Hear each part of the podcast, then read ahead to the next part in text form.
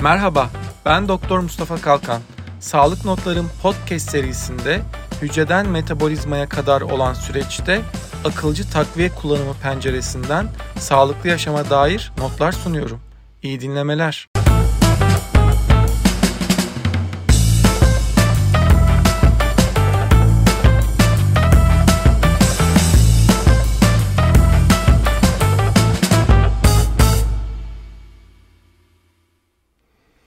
Herkese selamlar. Ben Doktor Mustafa Kalkan. Yeni bir video ile karşınızdayım. Hatırlarsanız aylar önce bir metilasyon videosu çekmiştik. Yine bu konsepte önümde bilgisayar ve bazı görsellerle de desteklediğimiz bir konsepte sizlere bir video yayınlamıştım. Aslında videoyu çekerken ve yayınlarken biraz bu video teknik bir video, çok izleyen olmaz, sadece ilgilisi izler diye çekmişken özellikle son dönemlerde Mustafa Bey aylar önce bir video çekmiştiniz bunun devamı geleceğini söylemiştiniz ama devamı neden gelmedi diye bazı sorular aldım. Bu beni hem mutlu etti hem de bu videoyu hızlı bir şekilde çekmem için beni teşvik etti. Ayrıca o video yayınladığım videolar arasında da en çok izlenme sayısına sahip videolardan bir tanesi oldu. Bu da gerçekten ayrıca beni mutlu eden şeylerden bir tanesi oldu. Bu şuraya da hep link bırakmak istemişimdir. Bugün ben de o ilk videonun linkini videonun sağ üst köşesine bırakıyorum. İzlemeyen varsa önce o videoyu izlerse ondan sonra bu videoya geçerse daha sağlıklı olacaktır. Şimdi isterseniz gelin videoya geçelim. Bu metilasyon döngüsünde kaldığımız yerden devam edelim. Bugün nelerden bahsedeceğiz? Özellikle metilasyon döngüsü çalışmadığı takdirde biz bunu vücudumuzda nasıl anlıyoruz? Ee, bu anladığımız faktörlerden bir tanesi homosistein yüksekliği. Bu homosistein nedir? Homosistein yüksekliği nedir? Ve metilasyon döngümüzün düzenli çalışması için gereken bazı vitaminler var. Bunların en önemlisi de B6, B9 ve B12 vitaminleri. Özellikle B9 ve B12 vitaminleri toplumda eksikliği çok yaygın olarak görülen ve yükseltme döneminde bazı özel şeylere dikkat edilmesi gereken bazı vitaminler. B9 ve B12 vitaminlerinin yükseltilmesinde nelere dikkat edilmesi lazım? Takviye kullanırken nelere dikkat edilmesi lazım? Bugün bunlardan bahsedeceğiz. Gelin hep birlikte videomuza geçelim. Şimdi hatırlarsanız e, daha önce de bu metilasyon çarklarını size göstermiştim. Metilasyon çarklarımız aslında bir metafor. Yani böyle vücudumuzda tabii ki de çarklar bulunmuyor. Biz bunları daha iyi anlaşılması için şematize ettiğimiz için buna böyle metilasyon çarkları diyoruz. Hatırlarsanız bir önceki videomda da anlattığım gibi bu çarklar öyle çarklar ki bakın biz enerjiyi buradan sentezliyoruz. Sağlıklı DNA, RNA sentezlenmesi. Yani bizim genetik yapımız sağlıklı e, işte bir mutasyon meydana geldiğinde o mutasyonun onarılması.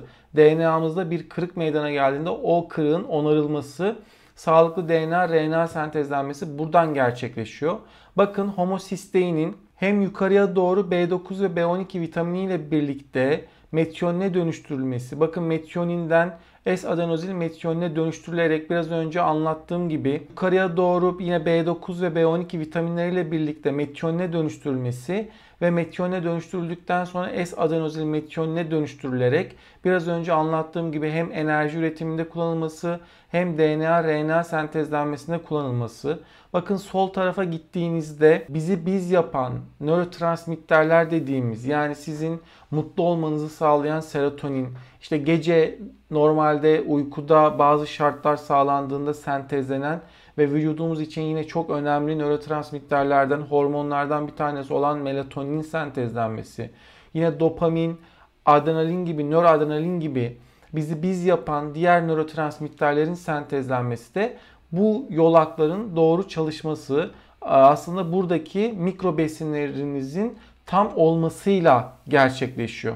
Bakın en sola baktığımızda amonyan üreye dönüştürülmesi yani vücuttan artık maddelerin temizlenerek e, üreye dönüştürülüp daha sonrasında işte idrarla, e, terle veya safra yoluyla birlikte vücuttan temizlenebilir hale gelmesi de bu yolakların doğru çalışmasıyla sentezleniyor.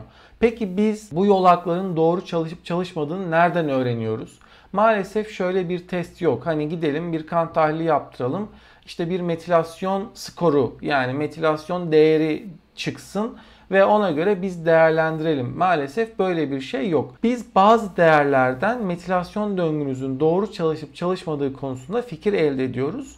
Birazdan bunlara değineceğim. Aslında işte bu gördüğünüz çarkların ilk en önemli noktası, ilk başlatan nokta folik asit çarkı. Ortada gördüğünüz mavi çarktan bu yolaklar başlıyor. Folik asit vücudumuzda B9 vitamini olarak da isimlendirdiğimiz bir vitamin. Folik asit aslında sentetik ismi. Yeşil yapraklı bitkilerden aldığımız B9 vitaminin ismine biz folat diyoruz aslında. Adı da Latince'de yaprak anlamına geldiği için işte folat yaprak anlamına gelir ve aslında bize kaynağı hakkında da bazı fikirler verir. Toplumda maalesef özellikle son dönemde modern beslenme ile birlikte, yeşillikten fakir beslenme ile birlikte ve yeşilliklerin de eskisi gibi vitamin ve mineralleri e, bulunmadığı için yine eksikliğini gördüğümüz vitaminlerden bir tanesi folat.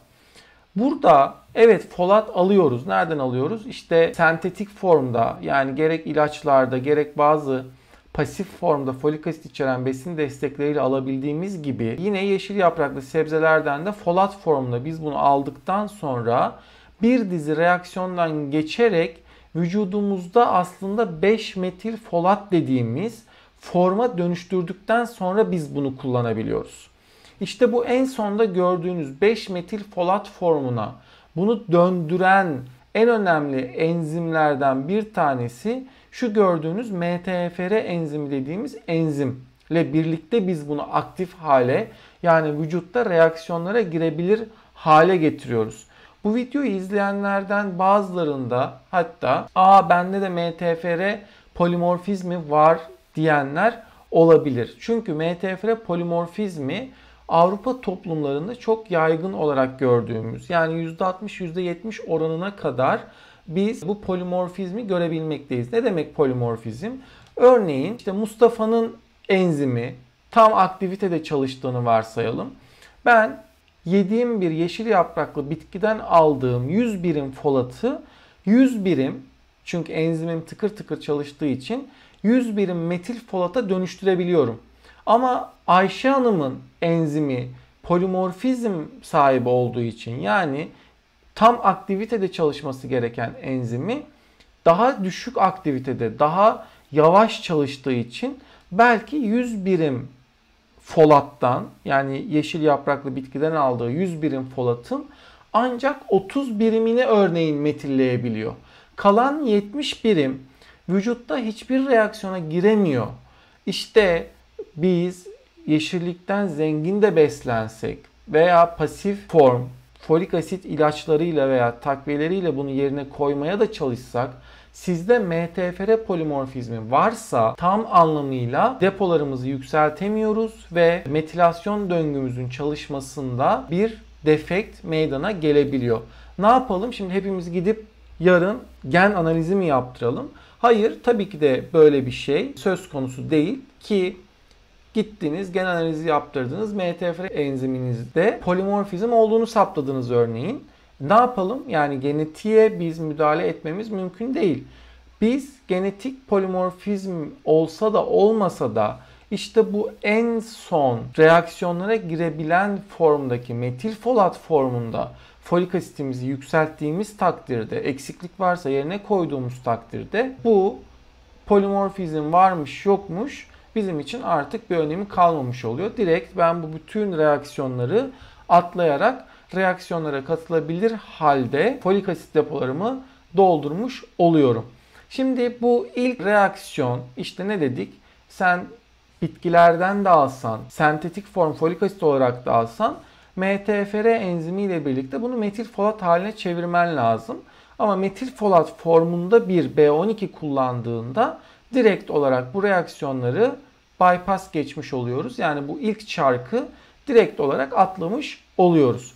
Ondan sonra arada B12 vitamini bu sefer görev alıyor. B12 vitaminin de formlarına birazdan değineceğiz. Özellikle burada metil kobalamin formunda B12 görev almakta. İşte bu iki çark doğru işlediği takdirde biz homosistein dediğimiz bir molekülü vücuttan temizleyebilir hale geliyoruz. Yani homosisteini metionine çeviriyoruz. İşte eğer sizde bir polimorfizm varsa veya folik asit depolarınız boşsa, B12 depolarınız boşsa bu çarklar doğru çalışmaz ve biz bunu nereden anlarız? Homosistein yüksekliği dediğimiz değerden biz bunu anlarız. Homosistein nedir? Homosistein normalde bizim vücudumuzda bulunmayan, vücudumuzdaki bazı reaksiyonların yan ürünü olarak ortaya çıkan ve metilasyon döngüsüyle birlikte temizlenmesi gereken bir moleküldür.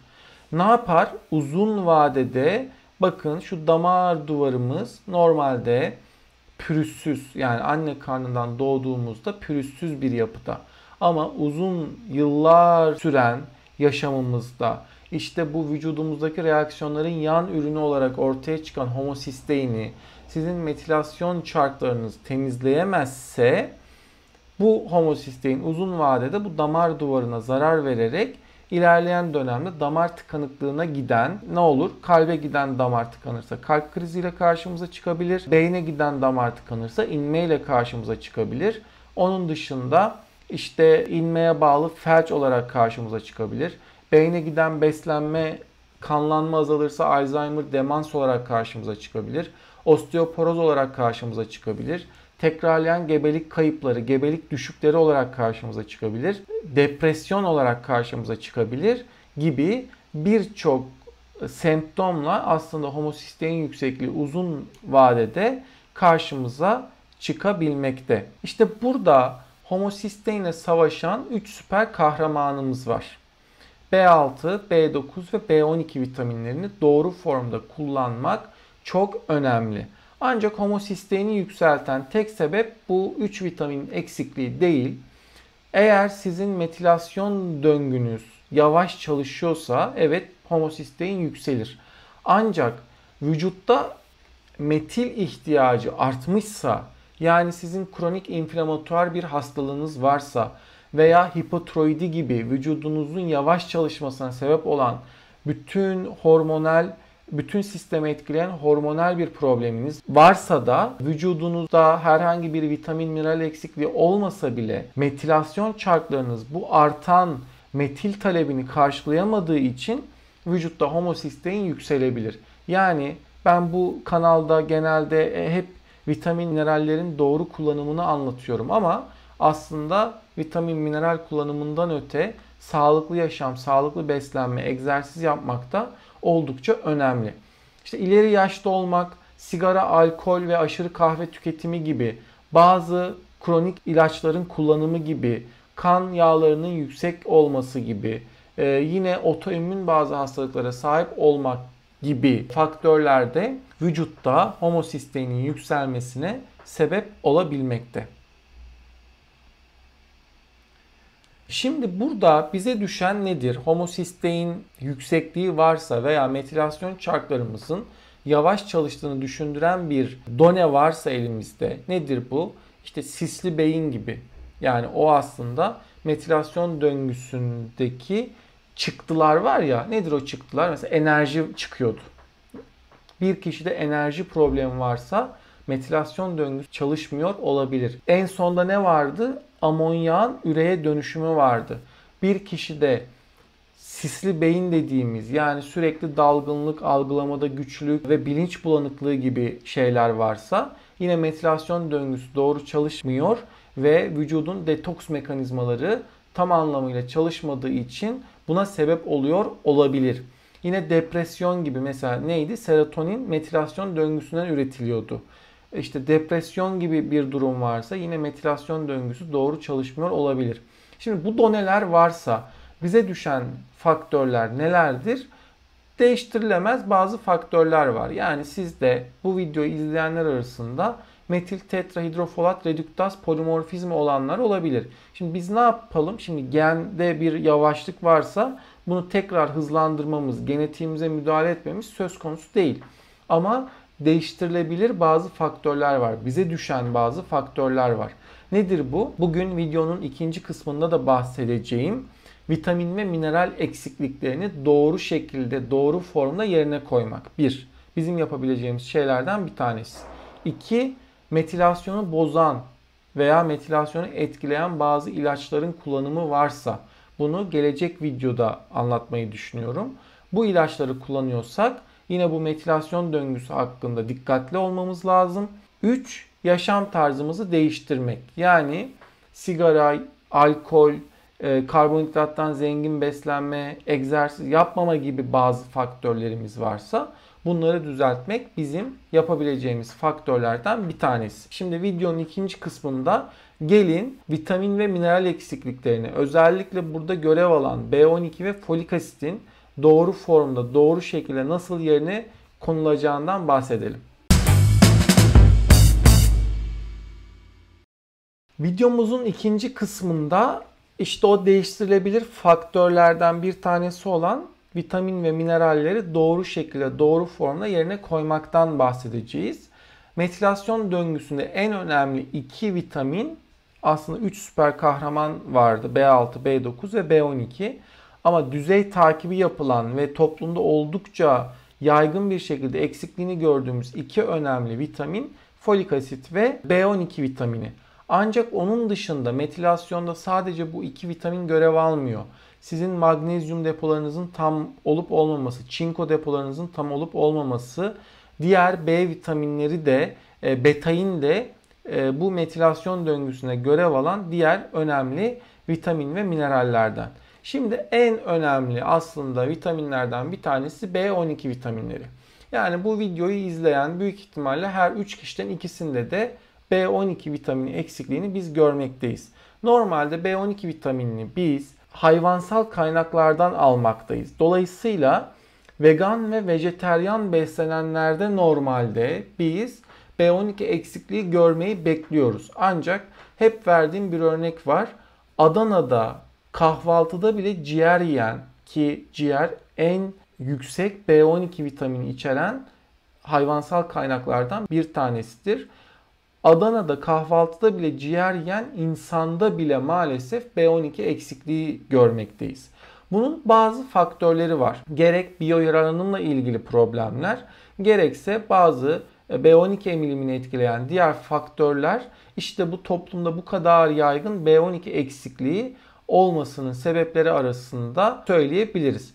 Diğer B12 eksikliği yaratan faktörlerden bir tanesi özellikle bazı ilaçların kullanımı, metformin gibi bazı ilaçların kullanımı hayat boyu kullananlar var biliyorsunuz. Bu ilaçlarda kronik olarak B12 eksikliği yaratmakta ve metilasyon döngüsünü etkilemektedir. Bir diğer B12 eksikliği yaratan durumda özellikle mide küçültme ameliyatı veya bağırsak operasyonları geçiren hastalarda da kronik olarak B12 eksikliği biz görmekteyiz. Şimdi B12 işte Adana'da ciğer yiyen insanda bile e, B12 eksik olmasının bazı sebepleri var. Nedir bu? Çünkü B12'nin uzun bir yolculuğu var. Önce mideye gidecek. Midede mide asitliğimiz iyi olduğu takdirde ki toplumumuzda gereksiz bir şekilde mide koruyucu kullanımı oldukça yaygın. Bu nedenle mide asitliği toplumun önemli bir kısmında yok denecek kadar az. İşte bu emilimi etkileyen en önemli faktörlerden bir tanesi. Ondan sonra işte bağırsağa gidip bağırsakta bazı proteinlere bağlanarak ve yine uzun bir yolculuktan sonra bağırsak sağlığımız da yine toplumda oldukça problemli. Tüm Avrupa toplumlarında ve tüm modern insanlarda olduğu gibi. Ondan sonra karaciğere ulaşıyor. Yani uzun bir yolculuğu var. Ancak işte burada B12 eksikliğimiz varsa ağızda eriyen ve dil altından emilen bir preparat kullandığımızda direkt olarak kana kandan karaciğere ulaşarak kestirme bir şekilde B12 depolarımızı doğru bir şekilde doldurabiliyoruz. Şimdi bir yöntemden bahset. Nedir o yöntem? Ağızda eriyen ve dil altından emilen bir preparat kullanımı doğru yöntemlerden bir tanesi. Bir de kullandığımız B12 vitamininin formu da önemli. Genelde biz şimdiye kadar siyanokobalamin dediğimiz pasif form olarak nitelendirdiğimiz sentetik ve vücuda girdikten sonra siyanit ve kobalamin olarak ayrılan ve daha sonra o kobalaminin tekrar reaksiyonlara girebilmesi için yine metile ihtiyacı olan Ancak vücutta metil yoksa şimdi onu metil kobalamine çevirmek için ben nereden metil bulayım? Yani zaten bakın videonun başından beri metil eksikliğinden bahsediyoruz. Metilasyon döngüsünün eksikliğinden bahsediyoruz. Dolayısıyla bizim fonksiyonel tıp bakış açısıyla aslında kullanmayı çok sevmediğimiz ve vücutta da etki gücü zayıf olan formlardan bir tanesi siyanokobalamin. Onun dışında vücutta görev alan 3 güzel B12 vitamini formu daha bulunmakta. Bunlar metilkobalamin, hidroksikobalamin ve adenozilkobalamin. Metilkobalamin özellikle metilasyon döngüsünde görev alan B12 vitamini formu, hidroksikobalamin yine oksidatif stres için çok etkili. Vücutta en bol bulunan yine B12 formlarından bir tanesi ve çok yine vücut için faydalı B12 vitamini formlarından bir tanesi. Adenozilkobalamin ise mitokondride enerji üretiminde görev alan çok özel B12 vitamini formlarından bir tanesi. Dolayısıyla kullandığımız preparatta da bu formları içeren yani siyanokobalamin dışındaki formları barındıran B12 preparatları kullanmak B12 depolarını doldurmak anlamında yapabileceğimiz faktörlerden bir tanesi. B12'nin vücuttaki normal seviyeleri yaklaşık 200 ile 1000 arasında değişmekte. E, biz fonksiyonel tıp bakış açısıyla bunu 700 civarında tutmayı hedefliyoruz. B12 vitamini eksikliğiniz varsa biraz önce anlattığım gibi ağızda eriyen bir preparatla ve güzel formları içeren bir preparatla birkaç ay günde bir tablet veya günde bir kapsül kullanımıyla çok rahat bir şekilde B12 depoları yükseltilebilir. Sağlıklı bir insan eğer vegan, vejeteryan beslenmiyorsa veya işte bariyatrik cerrahi gibi bir operasyon geçirmemişse veya metformin gibi kronik bir ilaç kullanımı olmayan bir insanda ondan sonrasında ara vermek ve belki bir yıl o kişi bir daha B12 eksikliği yaşamaz. Ancak bu saydığım faktörleri olan yani vegan, vejeteryan beslenen, mide ameliyatı geçiren veya kronik ilaç kullanan kişiler B12 eksikliği yaşama potansiyeline sahiptir. Dolayısıyla bu kişiler haftada bir aklına geldikçe yine bir tablet takviye edici gıda olarak üretilmiş B12 vitaminlerinden biraz önce saydığım özelliklere sahip B12 vitaminlerinden ağzında bir tane erittiği takdirde bir daha B12 eksikliği yaşama riski ortadan kalkmış olacaktır. Diğer yine eksikliğini gördüğümüz ve oldukça önemli vitaminlerden bir tanesi de folik asit demiştik. Aslında videonun ilk kısmında buna detaylı değindim. Burada bize düşen nedir? İşte metil folat formunda yani aktif formda vücutta reaksiyonlara girebilen formda bir folik asitle folik asit depolarımızı doldurduğumuzda yine ağızda eriyen tablet formunda bir preparatla metil folat içeren bir preparatla bu depolarımızı doldurduğumuzda da metilasyon çarklarının doğru çalışması için üzerimize düşen faktörlerden bir tanesini daha yerine getirmiş olmaktayız. Tabi sadece B9 ve B12 vitamini görev almıyor metilasyon döngüsünde. Diğer bütün B vitaminleri de bu metilasyon çarklarının doğru çalışması için görev almakta. Biz bütün metilasyon çarkını desteklemek istiyorsak yani e, B9 depolarımızı doldurduk doğru formda. B12 depolarımızı doldurduk. Ancak ona rağmen hala işte örneğin homosistein yüksekliği varsa, beyin sisi varsa, enerji yoksunluğu varsa, metilasyon döngüsünün yavaş çalıştığını gösteren bir tablo varsa veya metilasyon döngüsünü etkileyen kronik bir hastalık veya kronik bir ilaç kullanımı varsa bütün B vitaminlerinin yine aktif formunu içeren bir preparat zaman zaman hayatımıza dahil edilerek bütün metilasyon döngüsü desteklenebilir. Sadece B vitaminleri de görev almıyor. Metilasyon döngüsünde özellikle magnezyum, çinko ve betain dediğimiz bir molekül de görev alan önemli moleküllerden bir tanesi. Dolayısıyla belki hani magnezyumu ayrı kullanmak gerekiyor. Çünkü e, günlük almamız gereken ideal magnezyum dozunu bir kombinasyonun içinde almak çok zor. Biz günde 200-250 mg bir magnezyum kullanımı öneriyoruz biliyorsunuz. Daha önceki magnezyum videomu da izlemeyenler varsa yine e, videonun sağ üstündeki e, hatırlatma linkinden o videoya da ulaşabilirsiniz. Ama onun dışında kullandığımız bir metilasyon takviyesinin çinko ve betain de içeriyor olması önemli ve dikkat edilmesi gereken noktalardan bir tanesi. Sonuç olarak bazen hani bu kadar anlattıktan sonra şimdi onu da kullanmamız lazım, bunu da kullanmamız lazım dedikten sonra kafalar bir miktar karışabiliyor. Bir sonuç yapmak gerekirse özellikle bize düşen faktörlerden bir tanesi vitamin ve mineral eksikliklerimiz varsa doğru şekilde yerine koymak. Onun dışında gelecek videoda bahsedeceğim yaşam tarzı, sağlıklı beslenme, sigara, alkol kullanımı gibi, insülin direnci gibi bazı faktörler de metilasyon döngünüzü etkileyebilir. Yani bu videonun bu kısmına kadar anlattığım şekilde siz B12 depolarınızda doldursanız, folik asit depolarınızda doldursanız sağlıklı yaşam bir bütündür. Dolayısıyla bu videonun mantığı, bu videoda anlatmak istediğim konu vitamin ve mineral eksikliklerini doğru formda, doğru şekilde yerine koymak. Peki Mustafa Bey hangi vitamini nasıl kullanalım diye de oldukça çok soru almaktayım. Hazır metilasyon döngüsünde bu konuya da değinmişken videonun bu kısmında da kısaca aslında takviye dünyasına, akılcı takviye kullanımından e, kısaca bahsetmek istiyorum. Şimdi bizim düzey takibiyle kullandığımız bazı takviyeler var. Videoda da anlattığım B12 vitamini gibi, folik asit gibi, D vitamini gibi, demir gibi bazı vitaminler düzey takibiyle kullanılır. Yani işte ne dedik? B12'yi biz 700 civarında tutmak istiyoruz.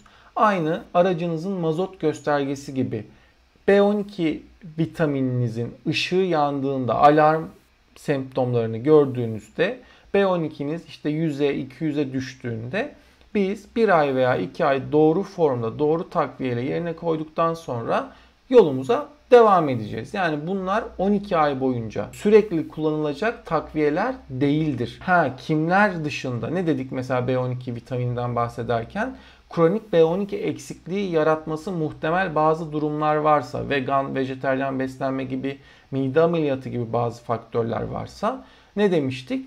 Haftada bir 10 günde bir yine bir tablet şeklinde kullanabilirsiniz. Ama onun dışında slaytta gördüğünüz değerler, slaytta gördüğünüz takviyeler düzey takibine göre kullanılması gereken takviyeler. Çinko yine kan tahlili olmasa da yani kan tahlili doğruyu göstermese de yılda 3-4 ay örneğin vücutta eksiklik oluşmaktadır. Her yıl 3-4 ay güvenli bir şekilde çinko hayata dahil edilebilir. Onun dışında işte ferritin yine kadınlarda özellikle demir depoları oldukça boş seyrediyor. Ferritin depolarını doldurma anlamında işte folik asit ve D vitamini, B12 gibi düzey takviyeyle kullanılması gereken takviyeleri biz zaman zaman oyuna dahil edip zaman zaman oyun dışında bırakıyoruz. Ancak bir de her gün kullanılması gereken takviyeler var. Gerek benim Instagram postlarımı takip edenler varsa, gerek daha önceki videolarımı izleyenler varsa hep anlattığım nedir? Omega 3 her gün kullanmamız şart. Bazı sebepleri var. İlerleyen videolarda omega 3 için de ayrıca bir video çekeceğim. Magnezyum her gün almamız şart çünkü modern beslenme ile birlikte alamıyoruz. Yine daha önceki videomda neden almamız gerektiğini detaylıca anlatmıştım.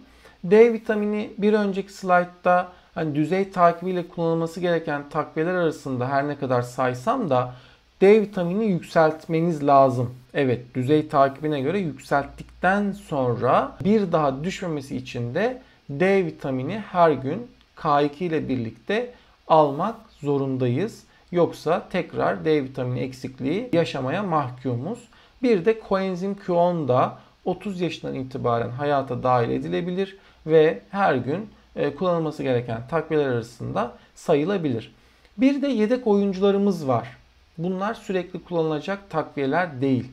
Örneğin işte antioksidanlar dediğimiz bir grubumuz var. Alfa lipoik asit, koenzim Q10, e, glutatyon gibi, C vitamini gibi, kuarsetin, resveratrol gibi. Bunlar eğer oksidatif stres varsa antioksidan kullanmak istiyorsak zaman zaman oyuna dahil edilip zaman zaman oyun dışına çıkarılması gereken takviyeler. Bazen anti-inflamatuarları oyuna sokarsınız. Yani nedir anti-inflamatuarlar? Vücuttaki inflamasyonla savaşan destekler. Yani işte kurkumin gibi, kedi pençesi gibi, şeytan pençesi gibi bazı bitkisel destekler vücutta inflamasyonla savaşırlar. İşte metabolik sendrom, diyabet vardır, insülin direnci vardır. Orada metabolik sendrom için gerekli olan yedek oyuncuları oyuna sokarsınız ve bir süre sonra oyun dışına bırakırsınız. Nedir onlar? Berberin gibi, silimarin gibi, alfa lipoik asit gibi bazı takviyeler. İşte bağışıklık nedir? Kışın grip olmuşsunuzdur. Hızlı bir şekilde toparlanmanız gerekiyordur. Orada bağışıklıkta görevli olan işte kuarsetin gibi, propolis gibi, ekinezya gibi, C vitamini gibi yine bazı oyuncuları oyuna sokarsınız ve iyileştikten sonra veya bağışıklığınızı güçlendirdikten sonra tekrar oyun dışına çıkarırsınız. Yani akılcı takviye kullanımı çok önemli. Bu slaytta gördüğünüz takviyeleri de uzun süre kafaya göre kullanan birçok insan var ama her gün kullanılması gereken takviyeleri kullanmayan birçok insan var.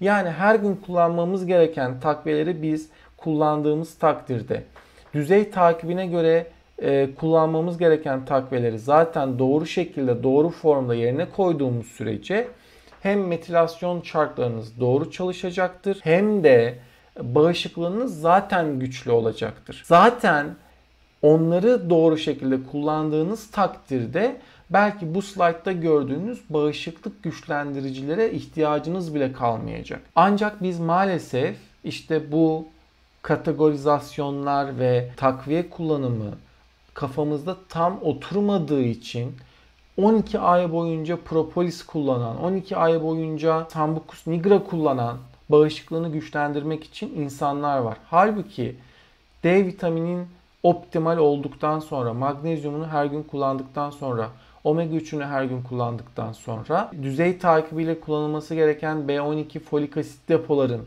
dolu olduktan sonra zaten bağışıklığın güçlüdür.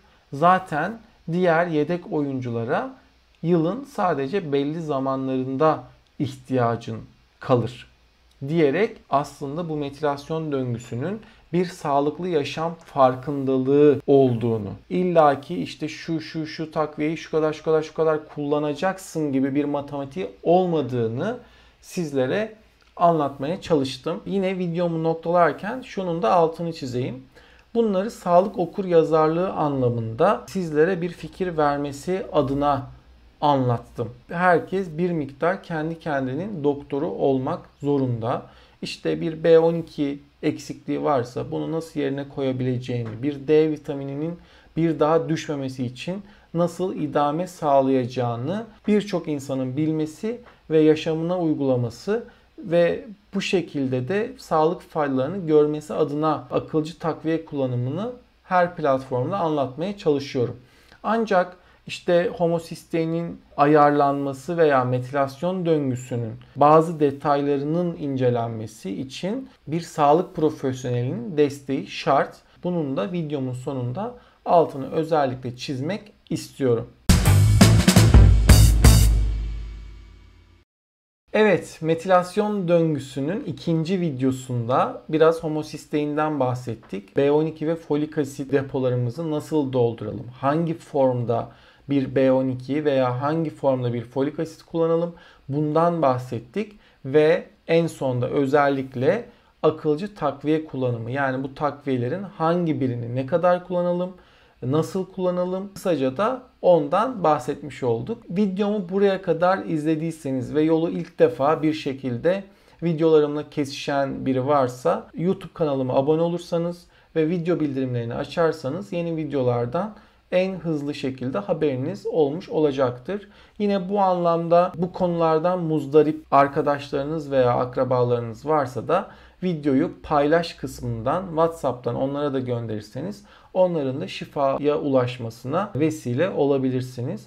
Ayrıca Instagram DR Mustafa Kalkan sayfasından da beni takip edebilir ve kafanıza takılan soruları da oradan bana iletebilirsiniz. Gelecek videolarda tekrardan görüşmek üzere. Hoşçakalın, sağlıkla kalın.